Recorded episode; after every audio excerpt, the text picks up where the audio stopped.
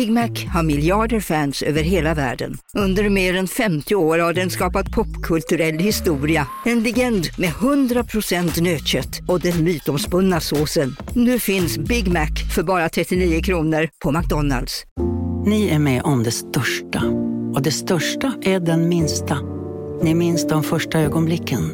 Och den där blicken gör er starkare. Så starka att ni är ömtåliga. Men hittar trygghet i Sveriges populäraste barnförsäkring. Trygg Hansa. Trygghet för livet. Hej, Synoptik här. Livet med glasögon ska vara bekymmersfritt. Därför får du 30% på alla glasögon när du väljer Synoptik All Inclusive. All service ingår alltid.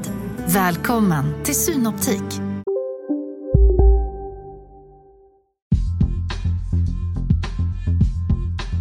Jag hoppas ju att regeringen är klok nog och realistisk nog att man kastar det här i papperskorgen. Eh, nu behövs det förändringar av arbetsrätten. Det här är en av de viktigaste orsakerna till att man inte vågar anställa.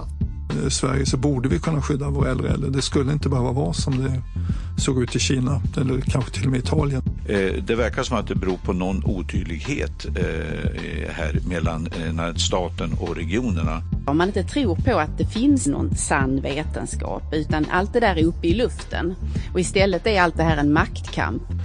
Ö ödsla inte tid på att försöka kartlägga när vi vet vi behöver förändring nu. Jämställdhet i musikbranschen är ju någonting som ständigt diskuteras och någon måste vara först. Het potatis är nästan för lite sagt om LAS, men på måndag läggs utredningen om en moderniserad arbetsrätt i regeringens knä. Hur har regeringens och myndigheternas coronavecka varit? Anders Tegnell beskrev Italiens äldresjukvård i förminskande termer och det tog fyr i ambassaden. Pågår det en revolution på universitet och högskolor med genusperspektiv som redskap? Boken Genusdoktrinen kommer inte obemärkt. Och i samma andetag kommer Melodifestivalen att stoppa låtar som inte har minst en kvinna som upphovsman. Om fler än en har skrivit eller komponerat. Blir det harmoni då? Välkommen till veckopanelen vecka 22 med Henrik Mittelman, Jessica Stegrud och Håkan A Bengtsson. Jag heter Staffan Dopping. Ja, snart är maj månad över och vi närmar oss den period som människor med lätt sinne för humor brukar kalla sommar.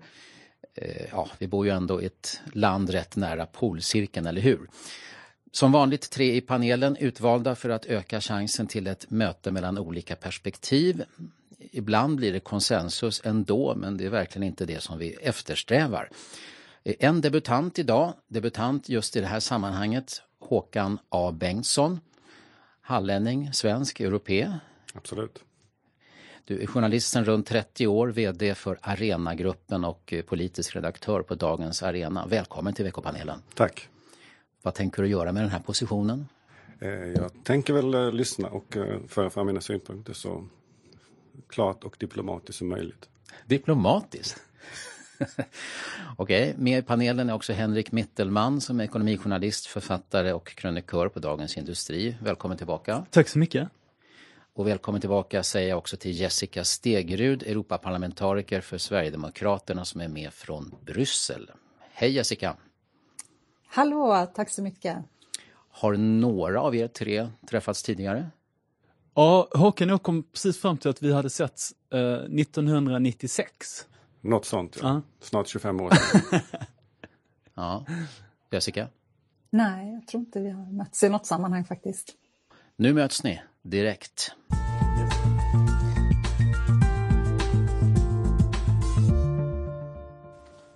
Nej, det, är ju, det här är ju det är en katastrofutredning.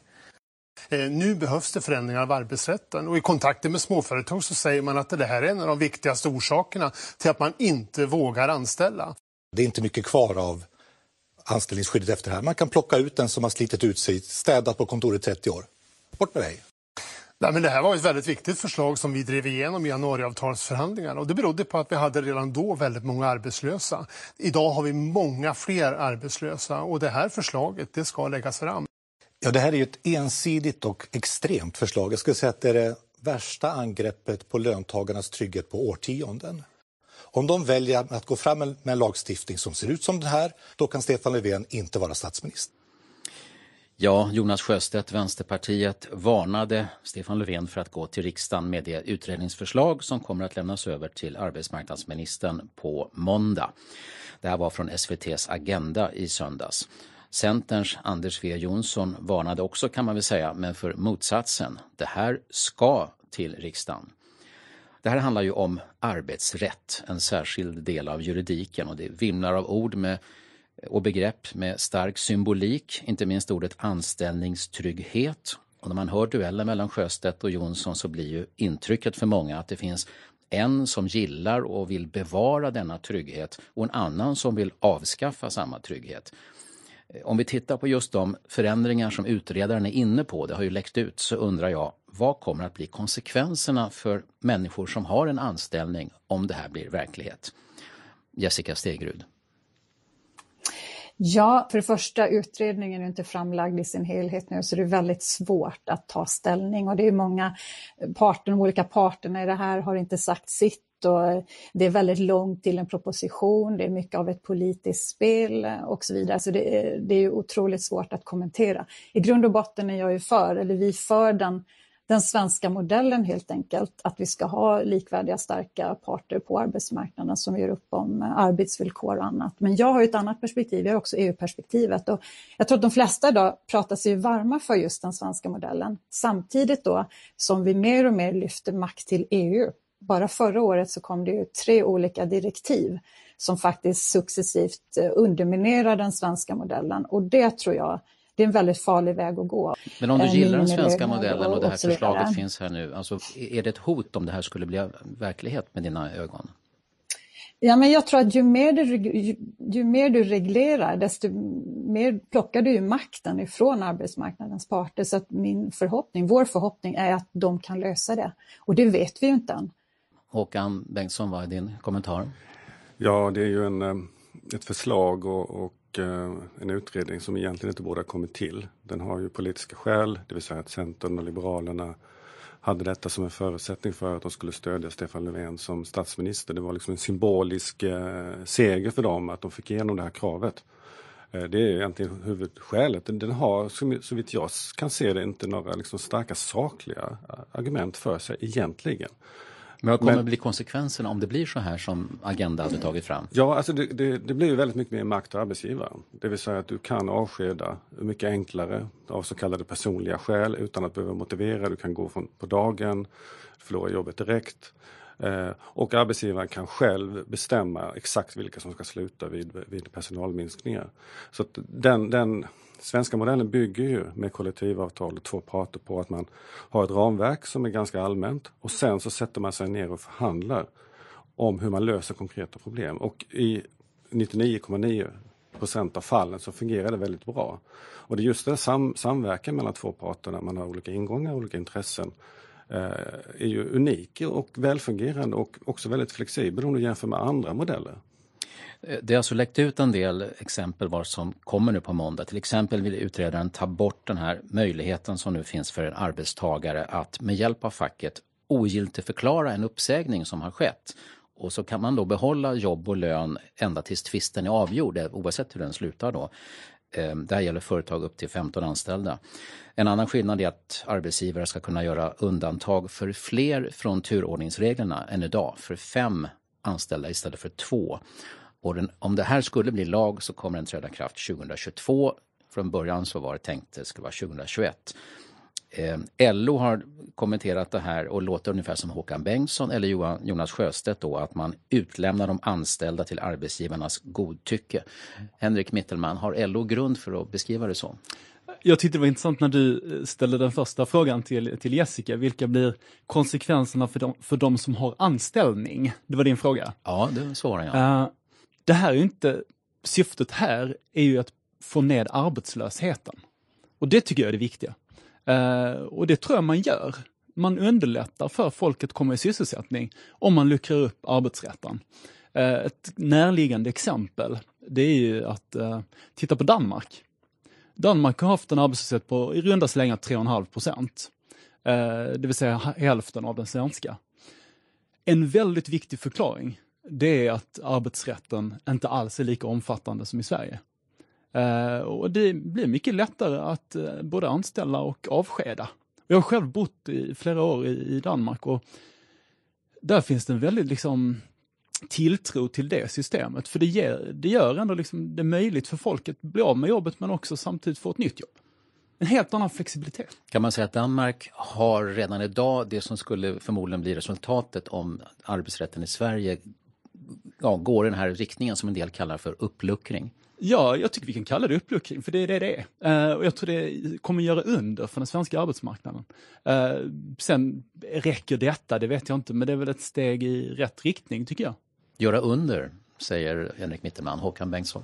Jag har svårt att se att det här i sig skulle skapa jobb faktiskt. Eh, den danska modellen den är ju annorlunda men det är också en annan typ av land. De flesta har närmare till ett nytt jobb. Det är ett mindre land, Köpenhamnsregionen är väldigt stor. Man ska också komma ihåg att där har man ju eh, sämre anställningstrygghet men man har mycket bättre trygghetssystem om du blir arbetslös. Det finns inte på kartan att föreslå här utan här är det en ensidig förändring. Så att eh, det som jag tycker är viktigt att framhålla också att strikt om man tittar på reglerna så är de ju strikta. Men de är mycket mer flexibla i praktiken. Jag har ju som arbetsgivare själv varit med om personalminskningar och vet att det finns möjligheter att hänvisa till kvalifikationer och sådana här saker. Och ofta så, så löser man ju, om det finns en bra partsrelation, så löser man de här sakerna på, på, på, på arbetsplatsen. Vi har ju också möjligheten till provanställning i Sverige. Så att anställa någon är inte något problem. Eh, så att jag, jag, jag tror faktiskt inte på idén om att det skulle skapa mer jobb utan snarare mer otrygghet. Jessica Stegrud. Ja, men jag, båda har sina poänger här. Den danska modellen ser annorlunda ut men eh, precis som sistnämnde talare här så bygger den ju mycket på att försäkringssystemet är väldigt generöst också. Det gör ju att, att många säger upp sig mycket lättare. Man fastnar inte heller på ett arbete man inte trivs med utan man vågar ju gå och testa sina vingar någon annanstans. Så att det är en annan modell och likadant som eh, någon också nämnde, situationen är annorlunda. Man har eh, vad ska man säga, arbetssökande som mer matchar eh, vad ska man säga, arbetsgivarnas eh, efterfrågan och så vidare. Man har en, en lättare situation rent eh, kvalificeringsmässigt. Så att det går inte att vi sitter i en liten annorlunda sits helt enkelt. Det kan man konstatera. Jag tror också det är väldigt viktigt att komma ihåg att vi befinner oss i ett lite nytt Sverige med liksom väldigt många människor som har kommit hit på, på, för, under de senaste åren eh, och som inte har fått in en fot på arbetsmarknaden. Eh, och vi måste underlätta för dem att komma in. Och det här är ett sätt. Det här att säga upp en anställd av personliga skäl som Håkan var inne på. Är det någonting som, som kan vara rimligt och rätt att göra det eller är det någonting som helst aldrig ska ske? Vad säger du Henrik? Jag, jag tror ju på mer av frihet och att vi, mer av flexibilitet. Så jag, jag kan det inte tror... vara väldigt eh, orättvist mot en person som i princip är beredd att jobba bra men det finns någonting i kemin där eller någonting som är kanske mer emotionellt som gör att arbetsgivaren tycker gud vilken jobbig människa. Vet, det, det, är ett svårt moraliskt dilemma naturligtvis men, men jag tror liksom det viktiga här är att ge de arbetslösa en chans att komma in på arbetsmarknaden och då måste man göra det lättare för folket, då måste man göra det lättare för företagare och du kan fråga vilken företagare som helst och jag har verkligen ägnat mycket tid åt just det. Att fråga företagare, hur skulle det påverka er om man la om den här lagstiftningen? Och utan undantag så säger ju företagare att vi måste luckra upp arbetsrätten. Ja, men det skapar ett utrymme för godtycklighet. Det är klart att det måste finnas skäl när en person kan eh, sägas upp men då måste de vara, vara, vara, vara tydliga och regelstyrda, inte, inte eh, bygga på att arbetsgivaren själv kan säga nu får du sluta. Man kan, ju, man kan ju påpeka att Liberalerna, som heter Folkpartiet, 1957 motionerade i riksdagen om att obefogade anställningar måste upphöra.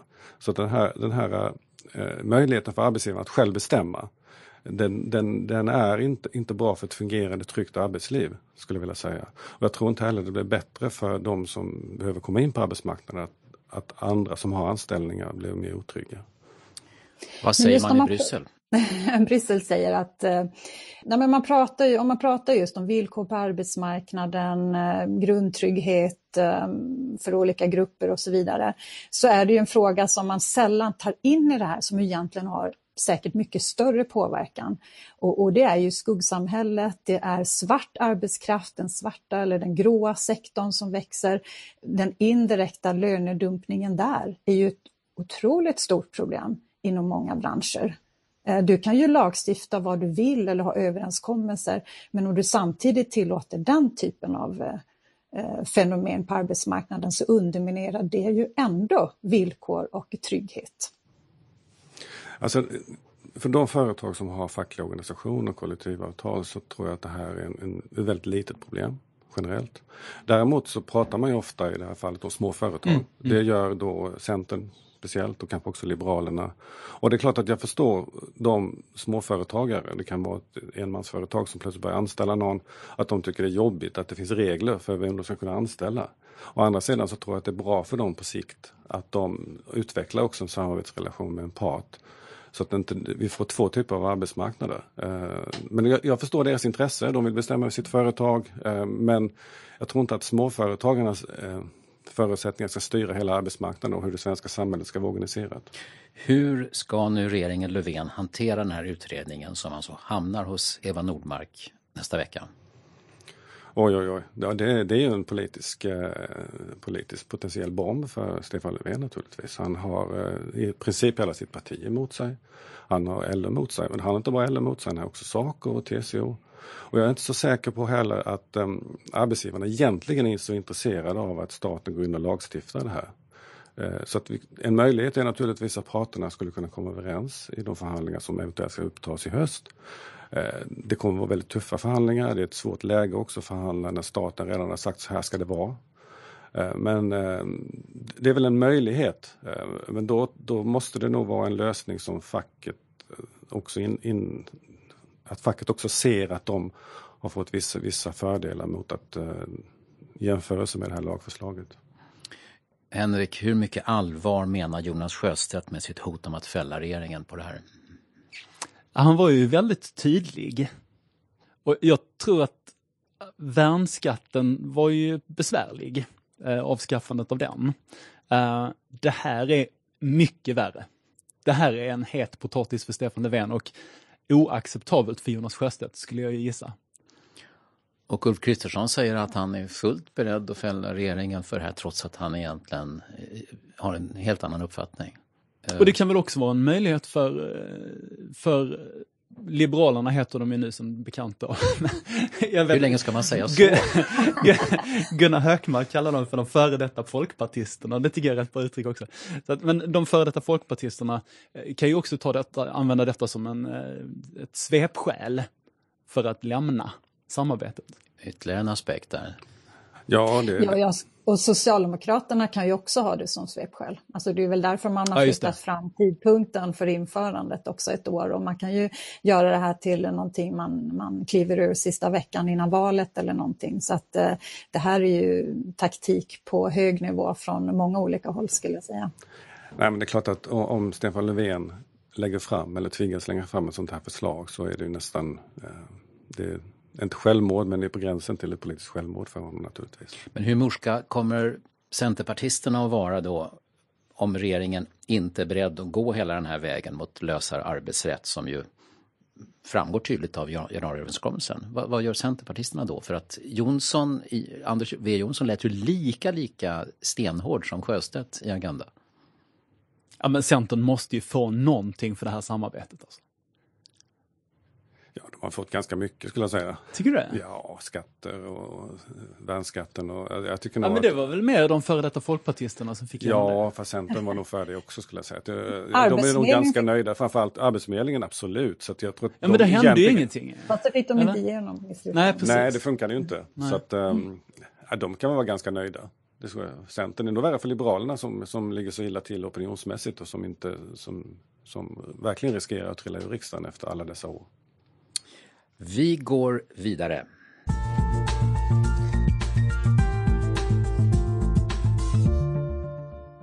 Det känner jag en frustration att vi borde ha fler som testas vid det här laget. Eh, det verkar som att det beror på någon otydlighet eh, här mellan eh, staten och regionerna. Vi ska i ett liksom modernt rikt samhälle som Sverige så borde vi kunna skydda våra äldre äldre. Det skulle inte behöva vara som det såg ut i Kina eller kanske till och med Italien där man har mm. mindre resurser för sånt. Utan att vi, vi borde som samhälle kunnat klara av det här bättre, det kan jag nog tycka. En miljard eh, avsattes i pengar för att se till att vi ska klara testningen. Så att testvolymen ska upp. Statsministern vädrade sin otålighet vad gäller det låga tempot för covid-19-tester i Sverige. Han var intervjuad i Studio 1. Och statsepidemiolog Anders Tegnell ångrar kanske att han i söndagsintervjun buntade ihop Italien och Kina som två länder som inte riktigt räcker till resursmässigt vad gäller vården. Italiens ambassadör i Stockholm, Mario Cospito, skickade i onsdags ut ett pressmeddelande som osar av vrede. Ambassadören framhåller att Italiens sjukvårdssystem rankas som nummer två i världen av WHO medan Sverige kommer på 23 plats. Även den förväntade livslängden är längre i Italien. Men det har hänt mycket annat på pandemisidan den här veckan. Politiskt, mänskligt, journalistiskt. Vad har panelen fastnat för denna coronavecka? Jag slås fortfarande av den här eh, begränsade ödmjukheten i kommunikationen eh, som är lite fascinerande. Alla vi som håller på med eh, försök till någon form av prognoser och konjunkturanalyser och sådär. Vi, vi har ju lärt oss att man ska uttrycka sig med stor portion ödmjukhet och kalla det för vi tror och det kan vara gissningar och sådär. Men det, har, det, det är liksom inte ett språkbruk som, som Tegnell eller Giesecke har anammat. Jessica? Ja, nej men jag, eh, det, håller jag, det håller jag verkligen med om. Eh, och eh, jag tänker lite på den italienska ambassadören och hans uttalanden och vilken uppmärksamhet det har rönt och upprörda känslor i, i svensk media och andra som har kommenterat. Och, och man måste ju säga så här, en ambassadör som uttalar sig är ju bara en förlängd arm av en, av en regering, en politiskt tillsatt regering. Och eh, det, det, är ju ganska givet att han går ut och försvarar Italien. Det är väldigt svårt att säga vad som är rätt och fel. Man kan ju konstatera att Italien fick, blev ju så otroligt hårt drabbade. Det gick ju så snabbt där. Smittspridningen var så stor i början av olika skäl och berodde ju inte bara på brister i det italienska sjukvårdssystemet naturligtvis. Jag tror inte Sverige hade klarat den anstormningen eller den utvecklingen som de hade väldigt tidigt då. Men sen är det ändå fascinerande för att de är ute och, och, han är ute och försvarar den italienska Italienbilden om man får uttrycka det så. Och, och, och svenskar och svenska etablissemanget är ju oftast väldigt snabba med att kommentera Sverigebilden. Så det ligger ju någonstans i våra... Ja, i, vi har trots allt alla en, en, ett mått av patriotism i oss och sådär. Och eh, det är ju väldigt eh, talande tycker jag. Jag tycker just svensk media har en, en väldig förmåga generellt sett att lägga starkt vid den här Sverigebilden. Om någon säger någonting elakt eller andas något elakt om Sverige så ska man genast ut och, och kommentera det här. Um, det tycker jag, det, det, är intressant. Det gäller inte bara italienare, det gäller även svensk, svensk media och etablissemang. Håkan, vad ligger överst på din coronalöpsedel? Ja, egentligen inte så mycket. Jag kan, det är inte så mycket som skiljer från förra veckan egentligen. Eh, jag håller med om det här uttalandet om Italien som var olämpligt och som egentligen skiljer sig lite grann från den attityd eller förhållning han haft i, i övrigt. Han har varit ganska ödmjuk faktiskt mot vad andra länder gör. Så att, Eh, men klart, vem, vem, som helst kan ju säga någonting fel, speciellt för en person som uttalar sig x antal gånger om, om dagen i tre månaders tid. Som i vanliga fall inte sitter i tv varje kväll. Men var det en bagatellartad eh, jag tror, det var, jag tror det var en, eh, en, en, en i, andra sammanhang har jag inte uttryckt sig för förklemande med andra länder så jag tror att det var, det var en, en obetänksamhet skulle jag vilja säga. Sen tycker jag fortfarande att det finns nu en diskussion här om det, det höga dödstal i Sverige. Eh, vi vet inte exakt hur de reella dödstalen är i andra länder, för man beräknar på olika sätt. De är höga i Sverige, eh, det kan vi konstatera. Vad det beror på, om det är tillfälligheter eller om, om det beror på strategin, det, det tror jag är lite osäkert att säga faktiskt. Jag, jag tror väl att Sverige generellt agerade relativt tidigt. Alla kunde agera tidigare när det gäller de första åtgärderna naturligtvis. Men jag har svårt att säga att Sverige skulle vara, varit sent ute. Och eh, i relation till att stänga ner helt och hållet så är jag också eh, jag finner det, det, det finns inte bevis i alla fall för att det hade varit ett bättre alternativ. De som kritiserar nu eh, säger ju egentligen inte vad man ska göra nu. För För det är ju det som är det intressanta. Det som gjordes i, i mars kan man ju diskutera naturligtvis i efterhand. Men vad ska vi göra nu? Ja, det, kom en, det kom en DN debattartikel ju eh, idag eller, eller igår av Anders W Jonsson som i sig hade fem tankar på att uppdatera eh, strategin. Så att det börjar komma sånt. Eh, Jessica, vad tänkte du säga? Någonting som jag reagerade tidigt på det var att man var väldigt sent ute med att skydda de största risk, riskgrupperna, det vill säga personer inom äldrevården eller de äldre, framförallt på ålderdomshem och så. Det tyckte jag var väldigt konstigt för att det är rent sunt förnuft innan man, innan man vet någonting. Det man visste tidigt var att det var många äldre som drabbades så att de var väldigt känsliga och då kunde man ju snabbt ha vidtagit åtgärder och det har ju även vissa, vissa kommuner var ju handlingskraftiga där lokalt att faktiskt införa krav på eh, skyddsutrustning och rutiner och att man inte fick besök och så. Men det var ju väldigt lokalt styrda mm. åtgärder. Eh, det, det, reagerade jag tidigt på för jag tycker det bara hörde till sunt förnuft innan du vet mer helt enkelt. Men vi hörde också statsministern nu som var med i Studie 1 som sa att han kände frustration över det här med att testerna, en testmiljard har anslagits, 100 000 minst i veckan var tanken, det blir inte mer än 33 och det verkar vara en otydlighet. Vad är din reaktion på det Håkan? Ja, där, där finns det något att verkligen fundera på. Hur har, har, har vi hanterat den här krisen och vilken är statens, politikens förmåga att styra de här olika delarna av den svenska förvaltningen och den offentliga sektorn som vi har. Där, där tycker jag att det är någonting som skaver faktiskt och testningen är ju ett sådant exempel.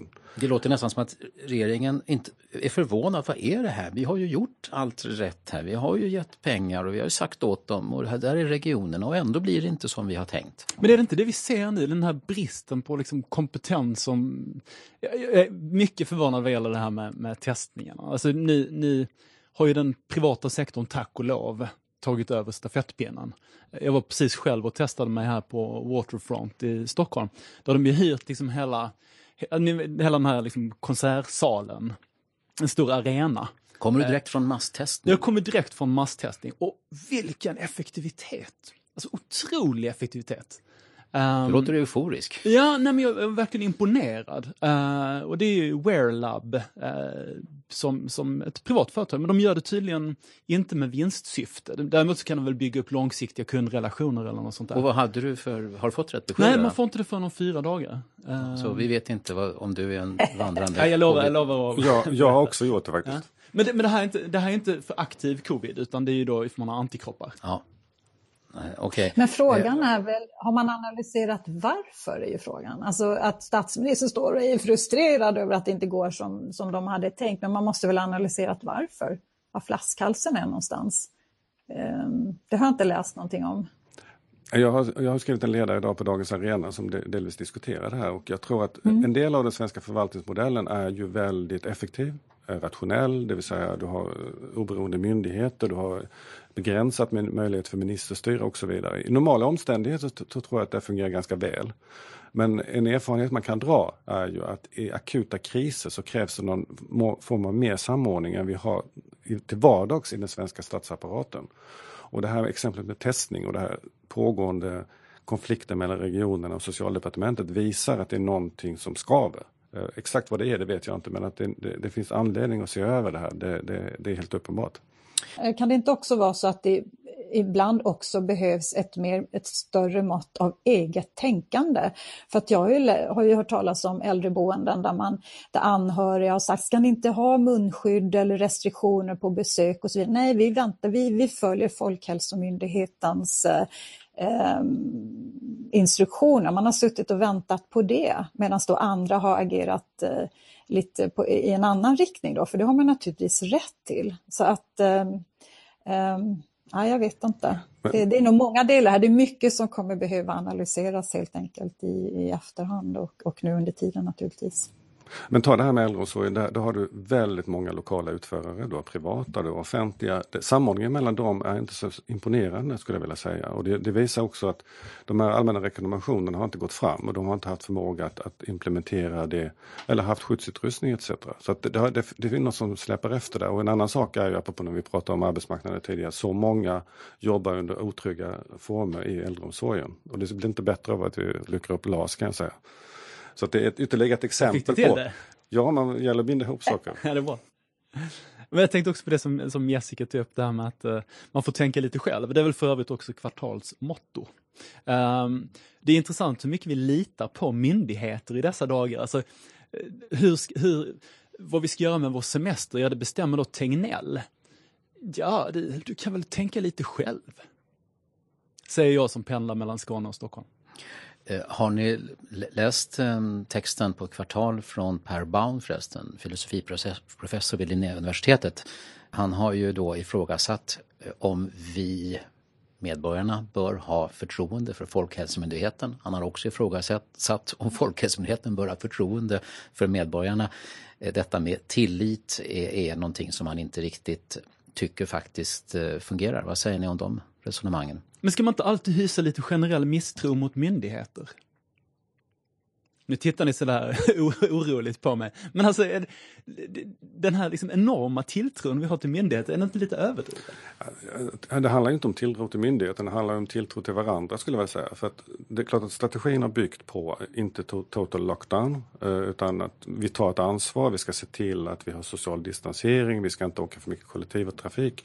Det handlar inte om tilltro till Tegnell, det handlar ju om att vi har respekt för varandra folkvett eller vad man ska kalla det som Stefan Löfven pratade om. Så jag tycker det är fel uttryck. Tilliten handlar om oss, eh, vår, vår, relation till varandra och om, om eh, vi som medborgare respekterar och, och försöker förhindra smittspridningen ute i samhället. Och det tycker jag väl Generellt så tycker jag att det har fungerat bra. Men klart att människor är ofullkomliga och en del agerar irrationellt eller inte medvetna om det. Och det har jag själv sett exempel på när man har gått på stan att den sociala distanseringen är inte 100 Min, min bild är att om, när jag går på stan, vilket jag har gjort idag, så är det ungefär två på tio som inte bidrar till att hålla avstånd när jag möter dem. Ungefär. Det vill säga ganska många personer när jag möter och jag, jag, försöker, jag, jag väntar ibland till att gå fram och så vidare men det gör inte två på tio.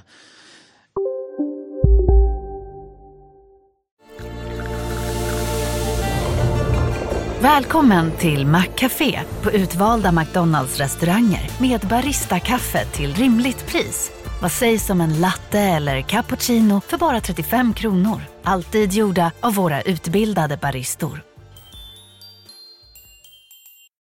Hej Sverige! Apoteket finns här för dig och alla du tycker om. Nu hittar du extra bra pris på massor av produkter hos oss. Allt för att du ska må bra. Välkommen till oss på Apoteket. Okej hörni, gänget! Vad är vårt motto? Allt är inte som du tror.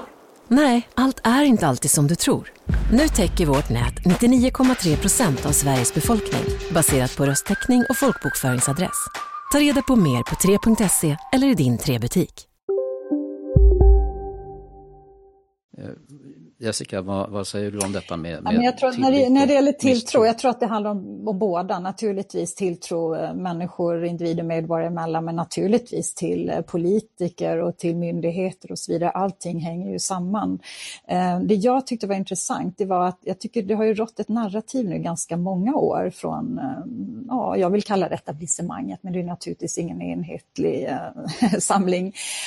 men där man då har pratat om att det, den svenska kulturen är svag, den finns inte eller det är bara en blandning av alla andra kulturer och man har, har någonstans eh, liksom, ja, synen på svensk kultur som, som svag och tråkig och obefintlig i stort sett. Sen kommer då coronakrisen, man börjar med svenska flaggor och man uttrycker då från myndigheternas sida och politikens sida att, eh, att eh, just det här med eh, eget ansvar, att det handlar om tillit och att vi ska hjälpas åt och att det är en stark svensk kultur att vi lyssnar på myndigheter och att vi eh, bryr oss om varandra och därför lyssnar på instruktioner. Och det är därför vi inte heller behöver några hårda auktoritära åtgärder. Det tycker jag är så roligt att ja, helt plötsligt har vi en stark svensk kultur. Eh, det tycker jag är fascinerande och jag håller med om att det är en svensk kultur, men jag har inte hållit med om att den har liksom inte befunnit sig eller inte funnits de sista årtiondena, utan det tycker jag är en rolig förändring i, i eh, i samtalet. Helt enkelt. Alltså kärnan i kritiken handlar om de höga svenska dödstalen. Jag tror att det är för tidigt att säga att det beror på den strategi som vi har valt. Du låter som Stefan Löfven och Anders Tegnell är en och samma person när du säger ja, just det resonemanget. Ja, men eh, dels handlar det om hur man räknar naturligtvis. Eh, och det, där finns det olika, olika principer. Det andra är ju att man kan konstatera ett mönster i alla fall. Det är att städer som har en stor befolkning med mycket internationellt utbyte i hög grad har drabbats mer än andra städer eller andra regioner. Det handlar om exempelvis München, eh, stort internationellt utbyte. Milano samma sak, mycket ut, utvecklad eh, ekonomi. London eh, och New York exempelvis och Stockholm. Eh, sen kan det vara tillfällighet också som, som, som skapar de här smittströmmarna. Ett megastadsvirus låter det som att du Ja, alltså det har ju, det har ju att vi, vi är närmare varandra i Stockholm än, än, än i Umeå exempelvis. Eh, och, och, vi är mer tättbefolkade i Stockholmsregionen man i Oslo eller, eller Helsingfors. Så det är tillfälligheter skulle jag vilja säga som spelar in och strukturer förmodligen. Så därför är det lite för, lite för tidigt att säga att, att det här beror på den svenska strategin. Alla, alla länder var för sent ute. Det fanns inte något land som var på tårna i början av den här pandemin, det är helt klart. Singapore hade vi, Singapore, Sydkorea. Ja. De, men det är klart, då har man också en erfarenhet av den här typen av pandemier med närheten till Kina också skulle jag vilja säga. Och ett annat typ av, mycket auktoritärt samhälle också faktiskt. Förtroendet för regeringen sjunker med 11 procentenheter på bara en vecka läser jag i Expressen. Det är Kantar Sifo som mäter det där. Regeringen och myndigheterna har ju haft påfallande högt förtroende ett tag nu men den senaste veckan, alltså på en vecka bara, ett ordentligt tapp. Från 59 procent till 48 för regeringen. För Folkhälsomyndigheten sjunker förtroendet från 78 procent till 70. Eh, och idag gav kulturministern klartecken för fotbollsallsvenskan och annan tävlingsidrott att dra igång om två veckor. Och även Sveriges gymnasier lagom till sommarlovet kommer att kunna ha närvaro också ehm, eh, berättar eh, regeringen idag. Det här med att tillåta tävlingsidrotter komma igång, tror ni att det där beslutet satt långt inne? Jag tycker det är så intressant att de uh, klumpar ihop all idrott. Jag är själv väldigt engagerad i svensk tennis, i Svenska Tennisförbundets styrelse. Uh, där vi med viss förvåning liksom, uh, har hört att man, man, inte får hålla på med tennistävlingar och så. Men då har man alltså två personer på en tennisbana som är 23 gånger 11 meter. Det, det är ju en viss skillnad mot till exempel brottning eller vad det nu kan vara. Men sen slås, skillnad. Ja, det är en viss skillnad. Men sen tänker jag också på det här med det, det, är helt okej okay numera då för en allsvensk fotbollsspelare att ta sig från Malmö till Stockholm. De är samhällsnyttiga. Ja, det är det vi definierar som samhällsnytta då. Och det kanske det är. Det är jätteroligt för folk som, för, för ja. att, att det kommer igång saker och ting. Jag anar en liten underton där. Nej, men jag bara, bara liksom, tycker det är, det är, lite intressant att vi liksom plötsligt blir det någon form av samhällsnytta. Och det är det ju. Men, men det kanske också finns en viss samhällsnytta i att, vad vet jag, vara journalist. Eller vad säger du Staffan? ja, det är mitt, mitt försvar för att uh, åka med SL-båt hit. Att ja. Jag tycker att det finns någon slags samhällsnytta. Men tillbaka kort till politiken. Uh, en del säger ju nu att där borgfreden i, som har rått här är på väg att förbytas i någonting annat. Att det finns en stämningsförändring här och uh, Anders W Jonsson inte bara engagerad i LAS-frågan utan han har alltså skrivit på DN Debatt att Centerpartiet har liksom idéer om hur man kan uppdatera strategin med eh, att man ska eh, det funkar inte det här med uppdelningen av befolkningen i prioriteringsgrupper för testning och det behövs eh, förändring i smittskyddslagen och sånt där. Och överhuvudtaget så känns det som att nu, och Moderaterna har ju länge börjat halvmullra och sådär. Är, det, är borgfreden över nu, Håkan? Ja, snart. Eh, definitivt snart. Och det är väl ganska logiskt, de här opinionssiffrorna. Stödet för eh, Folkhälsomyndigheten och regeringen har varit väldigt höga. Så att det är ganska logiskt att de går ner naturligtvis. Nu är det så att det, dels är det, kom, alla länder kommer ha en kritisk diskussion skulle jag vilja säga. Och dödstalen är höga, det måste man säga. Samtidigt som då, då dödstalen går ner långsamt. Så att vi är inne i en ny fas där det, det, det, är inte över, absolut inte, men det klingar av det värsta, särskilt i Stockholm.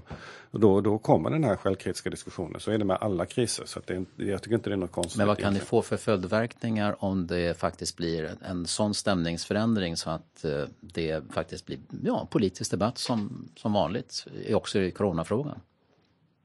Jag tror att det är sunt. Det är sunt. Sen, sen, kan man ju föra debatt på olika sätt naturligtvis, men man ska alltid förhålla sig lite kritiskt. Och varför ska man det? Det är ju inte för att eh, per se agera opposition hela tiden, utan för att vi har ju inte, vi har ju inte facit. Eh, vissa facit har vi, eller vissa utfall kan vi redan se och vissa konsekvenser, men naturligtvis måste man hela tiden kunna granska eh, Eh, allt som sker. Det, det, man kan inte bara sitta på avbytarbänken. Och jag tror också, det har, vi har ju hamnat, även om det fortfarande är en stor kris. Vi, vi ligger högst när det gäller dödstal per capita fortsatt och så vidare. Det är ett stort problem, det här måste vi ju hantera vidare. Men samhället i övrigt har ju inte stannat upp. Vi har ju fler skjutningar än någonsin. Vi har gänguppgörelser, vi har eh, överfallsvåldtäkter och annat. Eh, det finns ju en, en kriminalitet en vardag som det pratades väldigt mycket om innan. Eh, och den har ju inte försvunnit, den har ju tvärtom tilltagit i, på vissa områden. Veckopanelen vecka 22.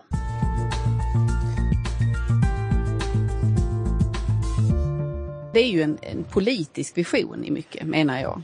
Problemet är att du har i det, det som vi kallar genusdoktrinen där du har, du har en bestämd uppfattning om att män är överordnade kvinnor och män tillskansa sig makt på bekostnad av kvinnor. Om man inte tror på att det finns någon sann vetenskap utan allt det där är uppe i luften och istället är allt det här en maktkamp. När man hamnar i de här diskussionerna, när det handlar om jämställdhetsplaner, jämställdhetsprojekt och liknande, då fungerar inte den vanliga diskussionen. Nationella sekretariatet för genusforskning eller vem det nu i andra sammanhang kan det vara någon annan har ett övertag i att man är, är väldigt inläst och man ligger i fas med det regeringen beordrat universiteten att göra. Så man har faktiskt den politiska makten i ryggen? Ja, precis. Ja, det här är ledarskribenten Ivar Arpi och doktorn i pedagogiskt arbete Anna-Karin Wyndhamn som talar om det de kallar genusdoktrinen på svenska universitet och lärosäten, som också är titeln på deras gemensamma bok. De var intervjuade av Jörgen Wittfeldt i en fredagsintervjun special live. Udden i deras bok är till stor del mot Nationella sekretariatet för genusforskning som har arbetat med det som kallas jämställdhetsintegrering. Numera hanteras det av Jämställdhetsmyndigheten. Ehm, vad är kontentan av det som Arpi och Vyndhamn lyfter fram, Håkan? Jag har inte gått in i detalj, men det är klart att de, de de eh, sätter ju fingret på en stor konfliktfråga naturligtvis. Jag skulle vilja säga så här att det är helt uppenbart att det finns ekonomisk ojämlikhet, maktojämlikhet mellan män och kvinnor som är strukturell eh, och som är bestående, som kommer att bestå ganska länge i termer av inkomst och anställningsförhållanden. Många av de här som jobbar, som vi pratade om tidigare, i, i eh, äldreomsorgen är ju kvinnor exempelvis. Och generellt tycker jag väl att arbete för att skapa lika förutsättningar för män och kvinnor är väldigt viktigt politiskt. Och det är bra att de politiska signalerna sänds ut i hela samhället, i företag eller i, i eh, akademiska sammanhang. Vad jag däremot eh, kan vara skeptisk till det är om, om politiken sänder signalen att det är en viss typ av forskning som ska befrämjas. Eh, en viss variant av genusdoktrin eller eh, som de kallar det det, den är mycket mer komplex och mångfacetterad skulle jag vilja säga än vad, än vad det, det, låter som ibland. Utan det, det beskrivs som något väldigt sekteristiskt. Eh, Håller du med om kritiken? Alltså, om man, om man säger så här, alltså att jag kan, jag kan inte bedöma hur omfattande det här fenomenet är. Jag har inte den möjligheten. Däremot så kan jag säga att jag tror inte på att politikerna ska styra till en viss typ av forskning. Men jag vill också vara medveten om och, och, och, lyfta fram att i den akademiska världen i sig själv finns det alltid en konkurrens mellan olika idéer. Det är nationalekonomin som, eh, som, som vi har läst. Så finns det olika skolor som bekämpar varandra och det, så ska det vara. Och så kanske det också är när det gäller jämställdhetsforskningen. Eh, så att det är inte något konstigt och de här eh, så säga, maktkampen mellan olika perspektiv, olika idéer, olika personer, eh, kluster av forskare, den pågår hela tiden. I alla ämnen. Även när det gäller frågan... Du har ingenting emot maktkamp per se, låter det som? Ja, men det är ju en del av det akademiska livet ju. Ungefär som politiken ju. Det vill säga olika idéer, idéer står mot varandra eh, och, och, och, och, bekämpar varandra och i bästa fall lägger fram eh, sina goda argument. Så det har inte något problem med att det finns olika skolor i, i de olika ämnen exempelvis. Däremot om, om politiken styr åt ett visst håll, då är det fel. Och det, det, det kan säkert ha funnits sådana inslag också. Men det jag tycker de så förtjänstfullt gör i, i boken och som kommer fram i fredagsintervjun, eh, det är alla de här exemplen på galenskaper. Alltså som var det på statsvetenskapen i Lund där man tvingades eh, ha olika, eh, ändra litteraturförteckningen för, eh, ändra, ändra, ändra kursplanen för att man skulle ha... Anarkism och fascism. Ja, så var det, just det. För att, för att man skulle ha lika, eller någorlunda jämn könsfördelning bland författarna av kurslitteraturen. Uh, och det finns ju massor med sådana exempel som de har i boken, uh, som ju tyder på en rejäl galenskap för alla som är anhängare av någon form av meritokrati. Är det en revolution som pågår, vilket författarna använder som uttryck? Jag är inte klar med hela boken, men jag lyssnade naturligtvis med stort intresse på fredagsintervjun. Um, jag tycker det verkar som att vi har kommit väldigt långt i den här galenskapen i Sverige. Jessica, vad är din bild av det som du har sett och hört? Ja, alltså jag har själv sett det här problemet i många år. Jag välkomnar verkligen den här boken, den ska jag läsa med stort intresse och jag tycker det är två väldigt trovärdiga Eh, skribenter eh, som har gjort det här grundligt, eh, både från insidan och med andra perspektiv och sådär. Och jag har ju sett hur det här har letats in i, i privata näringslivet och problemet är ju inte att, att vi idag inte vill ha jämställdhet mellan, mellan könen. Det vill ju de allra flesta idag. Det, det är ju väldigt, väldigt grundläggande. Problemet är ju själva narrativet som man gärna odlar inom akademin, inom myndigheter och ända i regeringsdirektiv och annat. Och det är ju att, att vi inte har 50-50 eller jämställdhet på olika positioner i olika sektorer och så vidare, att det då skulle bygga på att kvinnor är förtryckta, att det är en strukturell, ett strukturellt förtryck och att det är män som är onda, som inte släpper fram kvinnor och så vidare. Och det är ju fel, du kan inte, du kan, det, det, finns inget stöd för att det är så strukturellt sett. Vi har idag lika rättigheter och möjligheter. Sen kan det förekomma enstaka fall naturligtvis. Det kan vara attityder och det jobbas det ju konstant med. Men problemet är om du ska åtgärda någonting, om du gärna vill åtgärda någonting, då måste du utgå ifrån fakta. Det gör man inte här och metoderna blir också väldigt totalitära. Att du är du in på att du ska skapa ett jämlikt utfall. Du tar inte hänsyn till preferenser, kunskaper, meriter. Du kommer längre och längre bort ifrån, bort ifrån meritokratin och den vetens, det vetenskapliga och folks egna preferenser och individens frihet. Anna-Karin Wyndhamn och Ivar Arpi skriver och säger att många forskare är, som är berörda av den här jämställdhetsintegreringen är rädda. Eh, många är tysta, kritiska röster vågar inte komma fram. Eh, genusteorin är en stark norm och eh, de hävdar att det här är teorier och en radikal ideologi som är maskerad som vetenskap. Eh, är det troligt, Henrik Mittelman, att, att eh, folk som i akademin faktiskt knyter näven i byxfickan och håller tyst? Mm, det tror jag. Folk är så rädda. Uh, och det är kanske med all rätt man vill behålla sitt jobb och sina anslag och lite annat. Uh, både Håkan och jag har ju studerat i Lund och Lund tas ju upp i flera tillfällen i, i boken eh, som ett mindre gott exempel. Där blir man beklämd. Ja, men det är klart att det finns ju galenskaper lite här, här, och, här och där va? i olika ämnen. Många i olika, platser. På många platser. Jag ska inte försvara, försvara de här exemplen. Jag tror de, de, många av dem i mina ögon är inte, inte inte efterföljansvärda om jag uttrycker mig så. Dock så tycker jag väl att det är lite för enkelt att säga att vi har lika förutsättningar. För i så fall hade vi inte haft ojämlikhet när det gäller löner eller, eller eh, livsinkomst och, och så vidare. Eller förutsättningar i arbetslivet. Så det, jag vill nog snarare fokusera på, det, här är, det finns delar i det här som jag är skeptisk till. Men huvud, huvudsyftet är ju trots allt att åtgärda den ojämlikhet som är strukturell när det gäller inkomster och, och möjligheter i livet som har, som har att göra med om man är man eller kvinna. Och de, för, för mig är det det centrala. Det här tycker jag är egentligen en en, en, del, eh, en delmängd i det stora, stora... Och fast det är ändå väldigt viktigt, jag tänker på det här exemplet från, var det för Chalmers va? Där man eh, köpte ut manliga professorer för att, de ska, för att de ska lämna, för att man istället ska anställa kvinnliga. Alltså det här är någonting som är väldigt märkligt. Nej, men nu är, vi, nu är vi inne i det här att du baserar, alltså det här måste baseras på fakta och du pratar, man pratar om ojämlika livsinkomster och så vidare. Om man tittar nu på yngre kvinnor så tjänar inte yngre välutbildade kvinnor sämre än män det ser inte ut så, utan man, man tar ju med då hela livslängden och vi har ju idag kvinnor som har gått i pension som kanske då jobbade väldigt lite under sin eh, liksom aktiva, under aktiva arbetstiden, så att säga, eller arbetslivet då. Och det är klart att då dras det ju ner, men det ser ju annorlunda ut. Man måste se på fakta, det handlar om val. Jag brukar säga det till alla unga kvinnor. Du har alla möjligheter idag, du kan utbilda dig. Vill du tjäna pengar? Jo, men ge dig in i finanssektorn då. Bli inte förskollärare. Sen kan man ha en annan diskussion. Är det mindre värt att vara förskolläraren att jobba i finanssektorn och då är det andra saker som styr. Men att dra det här och inte tro, och tro att det här är en marginell företeelse, det är det inte. Det här genomsyrar allt. Om du ska söka ett bidrag idag av en myndighet så ska du ticka i alla jämställdhetsboxar. Titta vad Vinnova kräver för att du ska få bidrag till ett bra forskningsprojekt till exempel. Jag skulle inte vilja bli inkvoterad.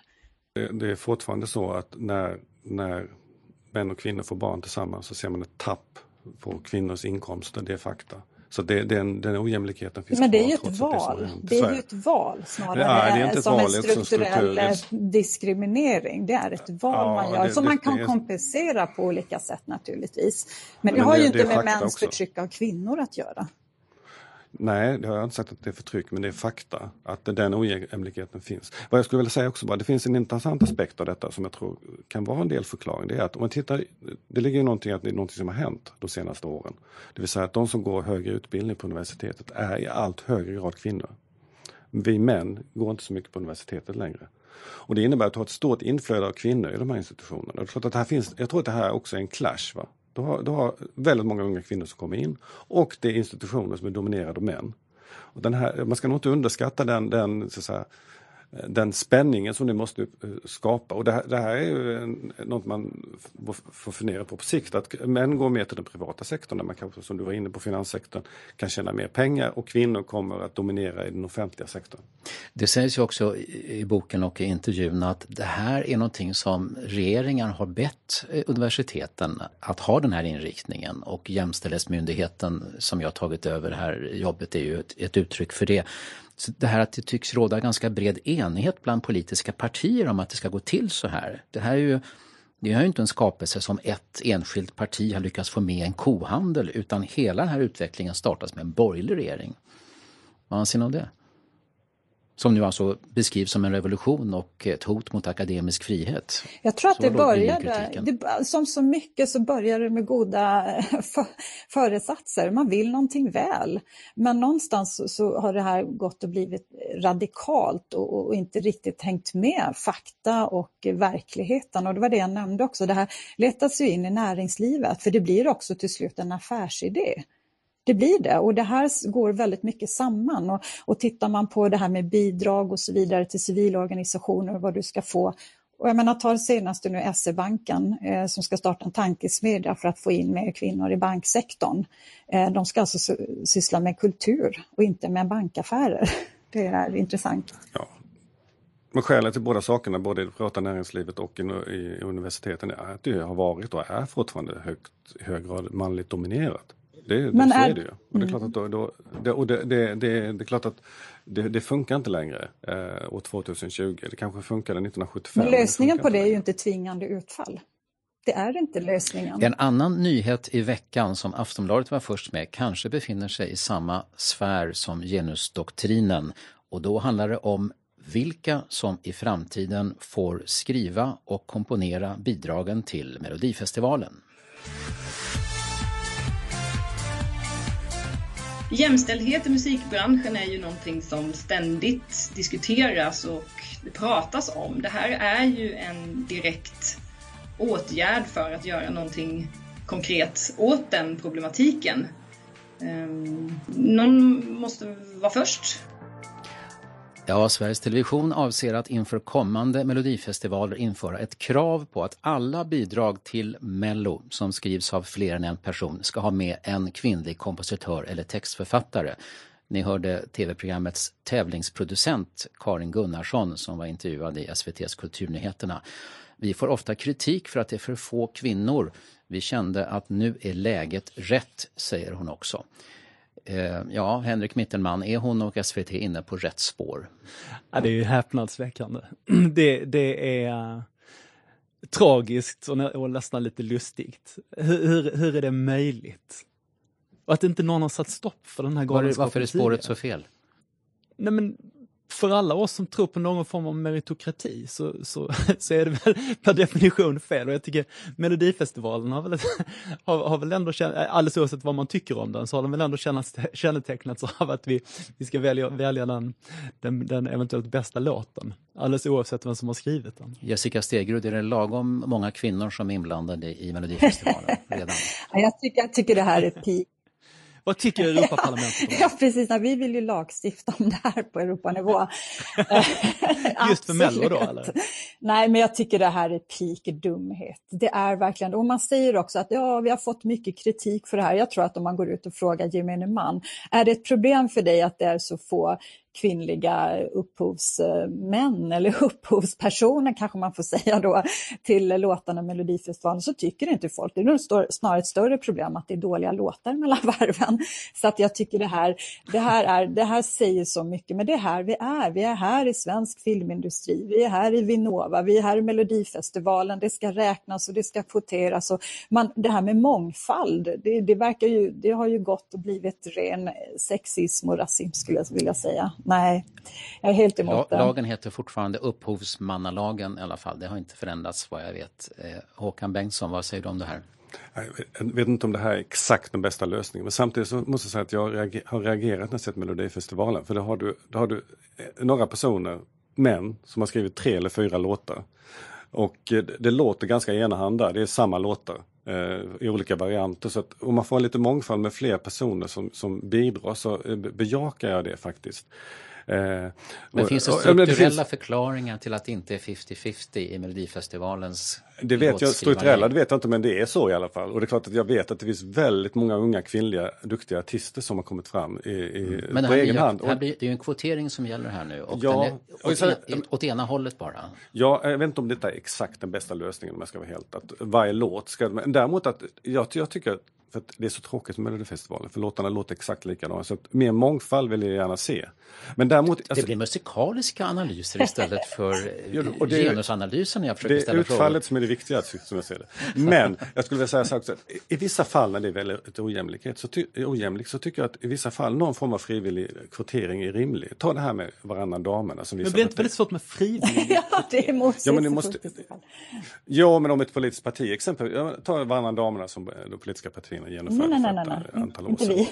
Hade, hade, hade, hade, hade, inte, hade inte de gjort det så hade det inte, hade inte varit lika jämställt i politiken idag som det är.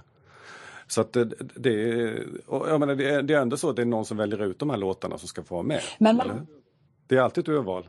Så att det är någon bestämmer ju vilka som ska få vara med, eller Jag satt med i jury 1986 och valde ut eh, de tio finallåtarna, så ja. jag vet. Och hur gick det?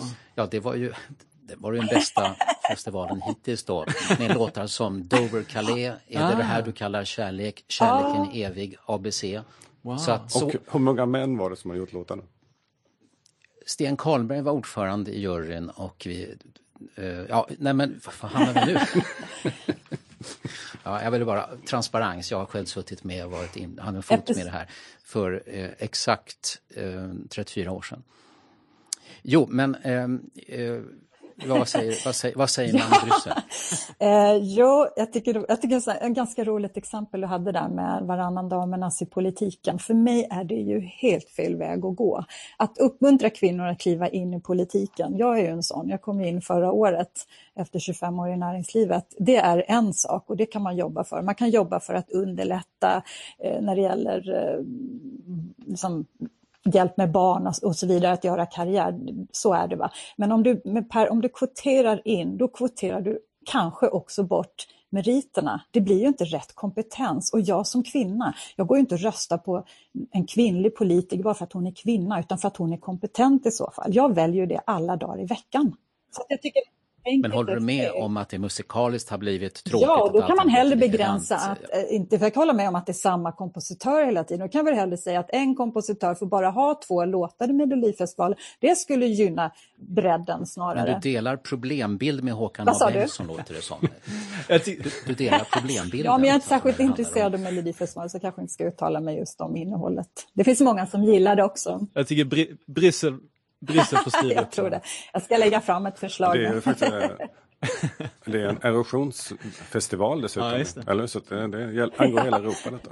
Till Aftonbladet säger Karin Gunnarsson som alltså är tävlingsredaktören på SVT för festivalen så här att från 2022 inför vi att alla bidrag ska ha en kvinna på upphovet. Helt enkelt.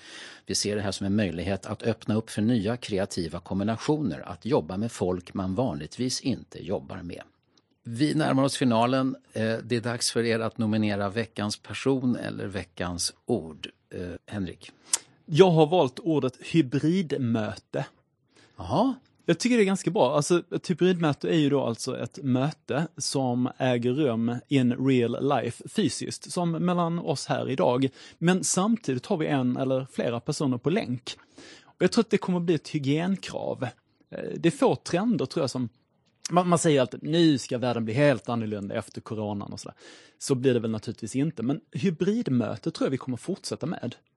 Eh, för att vi kommer möjliggöra för fler att vara med, lite vad man vill. Okej, men du ser inte en, en komplikation att det faktiskt är lite obalans? Jag hoppas att inte ni tyckte här att, att bara för att Jessica var med som Bryssel så fick hon för mycket utrymme och ni för lite, eller tvärtom? Ja, men hur, jag- hur åstadkommer man någon slags balans? Nej, men jag menar att, jag, jag vet inte ifall det är bra eller dåligt, men att man kommer att ge folk möjlighet att delta på distans. Och att det kommer vara liksom ett hygienkrav. I alla former av möten. Och jag tror det, jag själv tycker det är ganska bra. Det skapar väl lite mer flexibilitet och frihet. Och Jessicas Eh, bidrag? Mitt bidrag, jag har faktiskt valt en person och eh, ett citat och eh, jag riktar blicken över andra sidan Atlanten där vi nu för några dagar sedan, några veckor sedan kunde höra från Joe Biden, potentiella presidentkandidaten.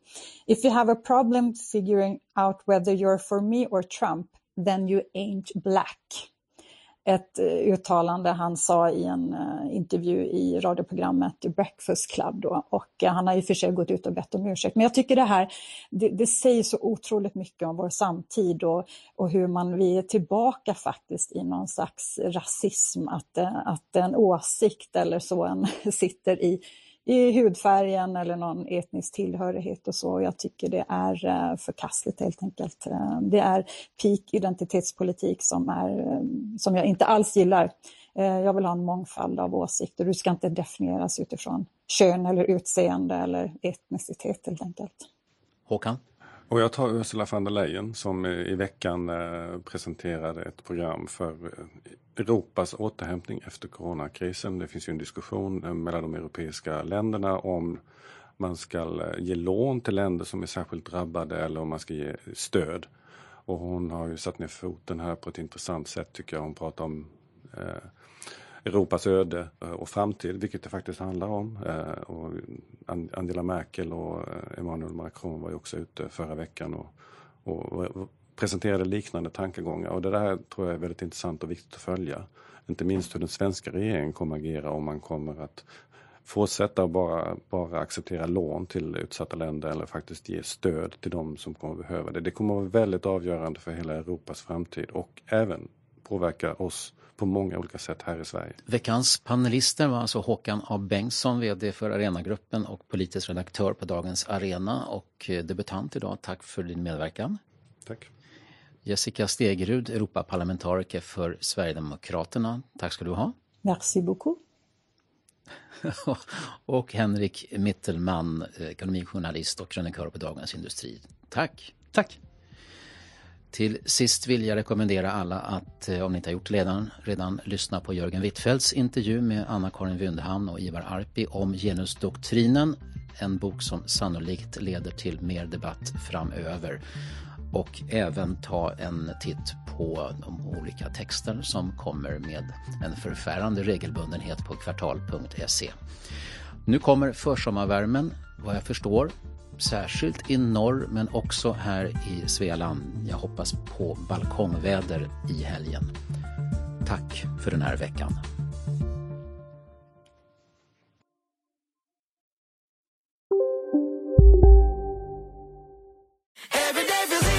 Som medlem hos Circle K är livet längs vägen extra bra. Just nu får du som ansluter dig 50 öre rabatt per liter på de tre första tankningarna och halva priset på en valfri biltvätt. Och ju mer du tankar, desto bättre rabatter får du. Välkommen till Circle K. Hej, Susanne Axel här. När du gör som jag och listar dig på en av Krys vårdcentraler får du en fast läkarkontakt som kan din sjukdomshistoria. Du får träffa erfarna specialister, tillgång till lättakuten och så kan du chatta med vårdpersonalen. Så gör ditt viktigaste val idag, lista dig hos Kry. Välkommen till Maccafé på utvalda McDonalds restauranger med Baristakaffe till rimligt pris. Vad sägs om en latte eller cappuccino för bara 35 kronor? Alltid gjorda av våra utbildade baristor.